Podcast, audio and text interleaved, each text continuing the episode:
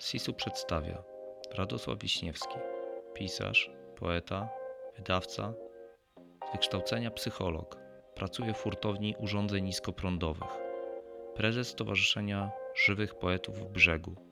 Prelekcji pod tytułem Chłopiec ze zdjęcia ma na imię Wasyl.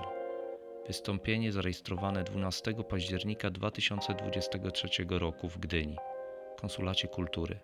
Zapraszamy.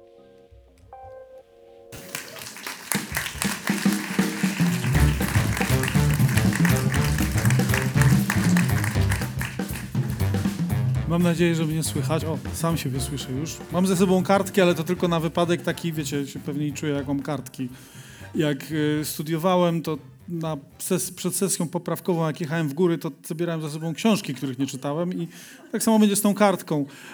Y, ja się czuję bardzo zestresowany, bo już y, Agata powiedziała, że się zajmuję, przynajmniej przez większość swojego życia takiego aktywnego, zajmowałem się pisaniem wierszy. A pisanie wierszy i ich czytanie polega z grubsza rzecz biorąc na tym, że się występuje przed ludźmi, których się świetnie zna od wielu lat. I tam się niewiele zmienia wśród tych twarzy. A teraz właśnie na Messengera żona się mnie zapytała, czy na sali jest ktoś, kogo znam i musiałem odpowiedzieć zgodnie z prawdą, że nie. I trochę jestem taki, wiecie. Historia, którą chciałem wam opowiedzieć, nie wiem, czy mogę już włączyć, tak? Będzie działało? Czy nie? Tam, ojejku. Dobra. Nie, nie te zdjęcia. Ojejku, położyłem w całą historię. Zamknąć oczy, proszę. Poproszę o ratunek. Dobrze. Niech zostanie ten chłopiec na razie. Historia, którą wam chcę opowiedzieć, yy, tak naprawdę zaczyna się w moim miejscu pracy. A ja pracuję yy, w hurtowni urządzeń niskoprądowych. Yy, jestem z wykształcenia psychologiem, zajmuję się pisaniem. Wszystko pasuje, nie? E, pewnie łatwo wam się domyślić, że jeżeli pracuję tam 11 lat, to przez przynajmniej pierwszych parę miesięcy miałem nadzieję, że ten stan minie szybko, że to jest jakaś pomyłka. Panowie mnie nie aresztują, ja naprawdę nic złego nie zrobiłem. A potem e, ten stan się przedłuża, przedłuża, odkreśla się kolejne te na ścianie, tam się wydrapuje kolejne nie, rok, dwa, trzy, potem się okazuje, że ja już pracuję w tej hurtowni 11 lat ale mm, nie ma przypadkowych miejsc we wszechświecie prawdopodobnie i to jest tak, że ta historia bez tej hurtowni się nie da opowiedzieć. Tak samo historia książki, którą wydamy z Agatą też nie da się opowiedzieć bez hurtowni, bo właśnie gdzieś tam y, zacząłem pisać strasznie długie posty na Facebooku. Y, one są... Tak. One są najdłuższymi postami w polskim Facebooku, tak mi ktoś powiedział. Mam 30 tysięcy znaków, to tak najmniej. A one są długie dlatego, że praca w hurtowni jest taka skokowa, zrywowa. Siedzisz, yy, przychodzisz rano, odpalasz komputer, od 8 do 8.45 jest po prostu zamiąg, bo wszyscy gdzieś tam wyjeżdżają na instalację, trzeba ich obsłużyć. Potem dzwonią, cztery telefony, naraz będzie takie taki wapor po prostu czasu, nie ma co robić. Wszystko masz, wszystko, wszystkie maile, ale, ale ludzi nie ma, nie? No i wtedy, bo to nie jest sklep spożywczy, więc tam są, są, są takie momenty. I wtedy możesz przez te pół godziny coś zrobić. Ja odkryłam, e, to było mniej, mniej więcej tak w, w, czasie, kiedy mój syn się urodził. I wiecie, jak to jest z rodzicami. Jak się jest rodzicem, aktywnym przynajmniej, to odkrywasz, że 10 minut to jest naprawdę dużo czasu. Jest, to, można naprawdę sporo w tym czasie zrobić. I zacząłem pisać i zacząłem pisać odcinkami. Tak trochę zatrudniłem do tego pisania swoje wcześniejsze pisanie wierszy. To były małe akapiciki, y, czasami jedno zdanie. Oczywiście trzeba być przytomnym, że jak się po godzinie mm, wydawania kabla koncentrycznego siądzie znowu, żeby pamiętać, gdzie się skończyło. Czasami już potem robiłem takie podmalówki w domu, bo wiedziałem, że coś mnie wkurza i będę musiał o tym napisać i żeby to było o dobrym czasie, to, to robiłem. I nagle się okazało, że nikt mnie tam specjalnie nie obserwował, ale ludzie zaczęli się wokół tego zbierać. Zaczęło się właśnie od książki o Powstaniu Warszawskim. Trudny temat? No chyba trudny. Yy, I właściwie taki, w którym teoretycznie wszystko już poopowiedziano, wszyscy mają już swoje zdanie, ja postanowiłem, że nie, że to zaczęło się od jednej notatki, że muszę coś powiedzieć po swojemu yy, od siebie 3 sierpnia 2018 roku. Mój syn miał wtedy dwa lata. I krok po kroku z tego zaczęły się robić dłuższe wypowiedzi. Potem ktoś powiedział, ty stary, ale to już tak wiesz, fajnie, że piszesz, ale już tak pisz w miarę regularnie, dobra? Żebyś tam... Bo ja ci z tego zrobię książkę. I te książki wyszły. Ktoś tam ma tą jedną książkę białą, ten palimpsest. Pierwsza książka napisana przez Facebooka, tam gdzieś tam są te inne książki.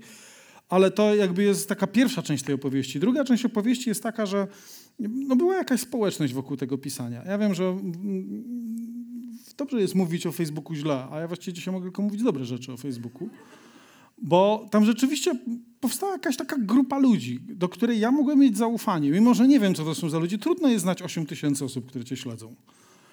Ale poznajesz po tym, jak y, rzucasz słowa w przestrzeń, poznajesz, jak ci ludzie reagują. Jeżeli mm, potem wybuchła granica białoruska i okazywało się, że ci ludzie, wtedy okazało się, że już to pisanie ma trochę inny wymiar. E, bo się okazało, że od tego pogardzanego bardzo często klikania, bycia na Facebooku, tak, rewolucjoniści facebookowi, jak to fajnie brzmi, jak fajnie dezawuuje każdy ruch protestu, każdy ruch, y, jakiś pierwszy odruch niezgody, a okazało się, że, że to ma znaczenie. Ja to odkrywałem w trakcie. Mm, pewnej nocy moja znajoma Ela Podleśna po prostu miała telefon w ręku i pilnowała, mając odwrócony telefon kamerą od siebie, strażaków i pogotowia i policji, jak wyciągali ludzi z bagna. I pilnowała, żeby ci ludzie trafili do szpitala. I to, że ona to robiła, to pół biedy. Ważniejsze było co innego, że tam za tym, po drugiej stronie było 350 osób, które to obserwowało. I co chwila wysyłali Eli wiadomość, Ela, my cię widzimy, jakby tu masz 350 osób w sądzie, bo my będziemy świadczyli za tobą. I ona nie wspomina tego dobrze, bo trudno to wspominać dobrze, ale wspomina zawsze, że czuła obecność facebookowych rewolucjonistów. E, ale wtedy też odkryłem, że wrac, wracamy do hurtowni, że to moje bycie w hurtowni nie jest takie głupie, bo się okazuje, że ja jestem idealnie w stanie się wpasować z przerzutami różnych rzeczy, bo nie wzbudzam podejrzeń, przecież z hurtowni wysyła się dużo rzeczy kurierem w różne dziwne miejsca. Kurier się pytał, a co pan ma w tym, co tam, a w, tam było 80 par kaloszy. A co to? Ja mówię, kapcie takie tam wysyłamy. Nie? Potem się okazało, że jest bardzo trudno znaleźć ludzi, którzy wysyłają pineski, jak się boją i nie chcą być znalezieni, albo chcą być znalezieni tylko przez tych ludzi o dobrym serduszku, a nie tych o złym. Bo jak jest zima, jest las, to ci ludzie się kryją. I okazało się, że bardzo ważna jest termowizja. A termowizja jest cywilna, dostępna. I się okazało, że hurtownia urządzeń niskoprądowych ma tutaj coś do powiedzenia. Ja mogę to ściągnąć i to nie jest tak, że ja to rozdaję za darmo, żeby było jasne. I to nie jest tak, że to ja to ściągam, bo to ileś osób musi się zrzucić. Ale ja piszę na przykład na Facebooku, że jest potrzebna termowizja. Ja mam 20 osób w Messengerze i mamy w ciągu 24 godzin 2-3 termowizory plus... Mm, ponieważ to jest hurtownia, to mamy jeszcze na datek tam na trzy śpiwory, dwa, dwa plecaki i 100 ogrzewaczy do rąk. Da się, da się. Więc w pewnym momencie zrozumiałem, że my tworzymy jakąś taką pajęczynę i tam centrum tej pajęczyny to jest ta hurtownia cholerna, która mnie tak uwięziła. A pajęczyna, jak mi ktoś powiedział, nie wiem, może na sali jest biolog, e, jakiś e, arancholog? Tak. Podobno jakby tak proporcjonalnie przyłożyć nić z pajęczyny, to jest jedna z najsilniejszych, najbardziej elastycznych substancji w ogóle materiałów na świecie. A poza tym ma jedną cudowną własność, którą y, zna każdy, kto ma pająka w ogrodzie albo gdzieś w domu. Tak dzisiaj rozpieprzysz, jutro znowu będzie. Nie, to nie tak łatwo się nie wygra z pająkami. I kiedy wybuchła wojna, to ja właściwie już wszystko miałem w ręku, czego potrzebowałem. To jest taka historia, z którą was zostawię. W ogóle ona będzie otwarta. Ja jej nie zamknę żadną puentą, bo żadnej nie wymyśliłem. E, I okazało się, że, że ja już mam naprawdę całkiem spore narzędzie. Zadzwoniłem do kolegi, był koniec lutego 2022 roku, zadzwoniłem do poety Olafa Clemensena. Wiecie, to jest ta jedna z tych opowieści o tym, że jak się zadaje pytanie człowiekowi, który jest w sytuacji granicznej, skrajnej, to y, trzeba się trzy razy zastanowić, zanim zada się to pytanie i być gotowym na każdy rodzaj odpowiedzi. Czy ktoś komuś umarł, mama, tata, nie chce już nawet mówić, że dziecko. Y, albo dzwonisz do kumpla, który, który siedzi w Kijowie, na który lecą rakiety, a to był moment, przypomnę, to nie ten teraz, tylko wtedy, Kijów był otoczony od północy, od wschodu i od zachodu, tylko od południa można było do niego dojechać. I pytam się, Olaf, czego potrzebujesz? Może coś ci mogę pomóc? Mądre pytanie, nie? Do faceta, który siedzi w środku wojny. On mówi, tak, mam pomysł. Wiesz co, ja potrzebuję yy, sanitarkę. Nie karetkę, bo to jest za drogie, tylko sanitarkę. Coś, co ma cztery koła, jeździ, diesla, którego łatwo naprawić. Szyny nanoszę, żeby to się nie majtało, bo nie mamy czym jeździć z Irpienia do Kijowa. No dobra, to cześć. Nie? No i wiecie, tak zostałem. No teraz to już może nie, jakoś nie budzi wielkiej, wielkich emocji, ale ja zarabiam tam, nie wiem, 3800. Samochód mam 20-letniego Forda Fusiona, którego cały czas remontuję, a facet mówi, załatw mi sanitarkę, chłopie. No to co zrobiłem? Napisałem posta na Facebooku, nie zdziwię was, jak powiem wam, że w ciągu 48 godzin zadzwonił do mnie człowiek, powiedział, cześć, nazywam się Darek Piszewski, czytałem twojego posta, kupiłem sanitarkę, kiedy jedziemy na granicę?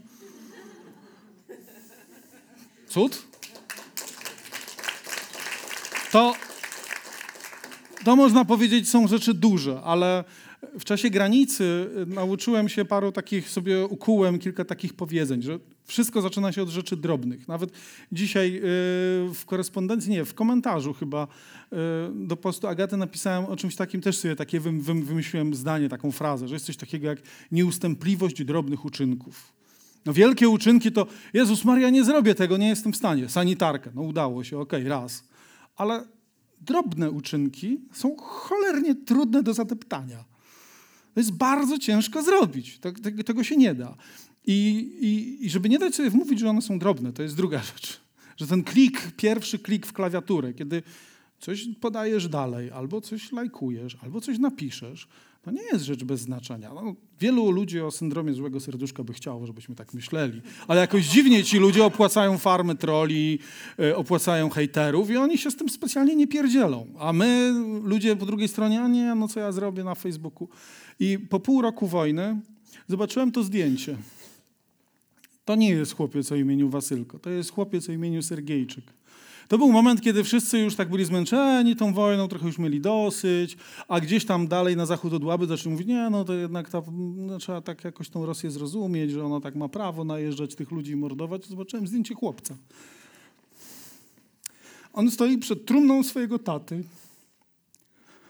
Jest mniej więcej w wieku, wieku mojego syna. I pomyślałem sobie, jakie to, jakie to nieprzyzwoite być ojcem i umrzeć, zanim się doprowadzi własne dziecko do miejsca, skąd ogarnie jakoś tam resztę tego horyzontu. I dlaczego y, gdzieś w jakimś Heidelbergu czy w Sorbonie ktoś nie widzi tego chłopca? Dlaczego?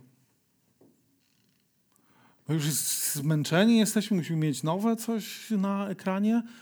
Napisałem jakiś wtedy post, to nieważne. On był tam tłumaczony spontanicznie na różne języki, gdzieś tam powędrował, ale wiedziałem, że to jest dopiero początek historii, że tutaj się na poście nie skończy.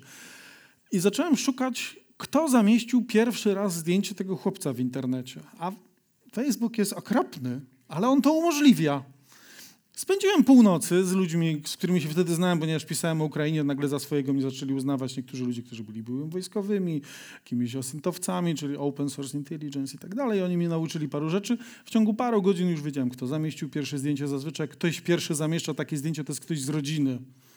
Więc łatwo pójść po nitce do kłębka i zadałem kolejne bardzo ryzykowne pytanie, bo już byłem na, na łączach z babcią chłopca Sergijczykiem, y, z babcią Sergijczyka, zapytałem, czy jest coś, co można byłoby zrobić, żeby chłopiec się uśmiechnął. Może ma jakieś marzenie. I się okazało, że tak. Że to jest proste. On po prostu chce mieć samochód na radio na, z napędem na cztery koła. No i co? Sanitarkę się dało? To domyślacie się, samochód też się dało pozbierać pieniądze. Ojku. O, co nie po kolei ponieważ już wiedziałem po pracy w hurtowni po granicy, do kogo się zwrócić, komu napisać na Messengera, zbieram pieniądze dla Syrgijczyka. Rzuć dwie dychy. Tych osób, które rzuciły dwie dychy było sporo, więc jak widzicie, Syrgijczyk gdzieś tam zimą 2022 roku przez chwilę się uśmiechał. Tak samo się uśmiechała Waleria, która dostała swój wymarzony rower. Tak samo się uśmiechał Wadik, który dostał wymarzony dron, dzięki któremu mógł robić mu tor przeszkód w domu. E, I ten dron to wszystko omijał. Ale im nie zrobił nikt zdjęcia. Tylko taka wada. Ale, yy, ale uśmiechali się dokładnie tak samo. A potem zobaczyłem to zdjęcie, to już w tym roku. I to jest otwarta historia. Ten chłopiec ma na imię Wasylko. To jest miejscowość równa. A ten człowiek y, na, tym, na tej ramie to jest jego brat starszy. Mm, I y, możecie sobie teraz pomyśleć wiele różnych rzeczy, także tych, których nie powiedziałem, miałem to zapisane, ale oczywiście nie przeczytałem, że wielu chłopcom i dziewczynkom nikt nie zrobił zdjęcia. Że tych chłopców i dziewczynek jest tak dużo, że Nie dam rady. To jest za dużo. Ale wiecie, jak byłem chłopcem małym i jeździłem nad morze, to miałem taki sport, że biegałem wzdłuż plaży i zbierałem meduzy i wyrzucałem je do morza. Wielu z was pewnie to robiło, prawda? I jak dzisiaj myślałem, czym zakończyć tą historię, a zarazem zostawić ją otwartą dla was, to przypomniała mi się taka historia, jakaś taka zasłyszana, właśnie, że chłopiec biegał wzdłuż morza, wrzucał te meduzy do morza, wrzucał, wrzucał, to było po sztormie, tych meduz była cała masa i ktoś podszedł mówi, chłopcze, co ty wyprawiasz? Przecież nie wrzucisz wszystkich meduz do morza, nie masz szans. A chłopiec z ręką przed sobą powiedział, tak, ale tą jeszcze wrzucę. Także to jest taka kolejna historia otwarta, która zaczyna się od tego, że ktoś zaczął pisać najdłuższe posty na Facebooku w języku polskim. Potem wokół tego ktoś rozpalił ognisko i się tak ten obraz ogniska mi się skojarzył. Wokół tego zaczęła zbierać się jakaś społeczność, której ja nie znam, nie, nie umiem nawet tym ludziom po imieniu wszystkim pod- podziękować. A reszta właściwie może należeć już do was. Ciągle nie umiem tego obsługiwać, przepraszam. Bo reszta udało mi się zmieścić. Tutaj jeszcze raz Siergiejczyk. To jest wiersz, który napisałam, ale wybaczcie, nie będę w stanie wam go przeczytać na głos. Nie dajcie sobie wmówić, że małe uczynki nic nie znaczą. Bądźcie, piszcie nowe historie, może tą też napiszemy razem. Dzięki.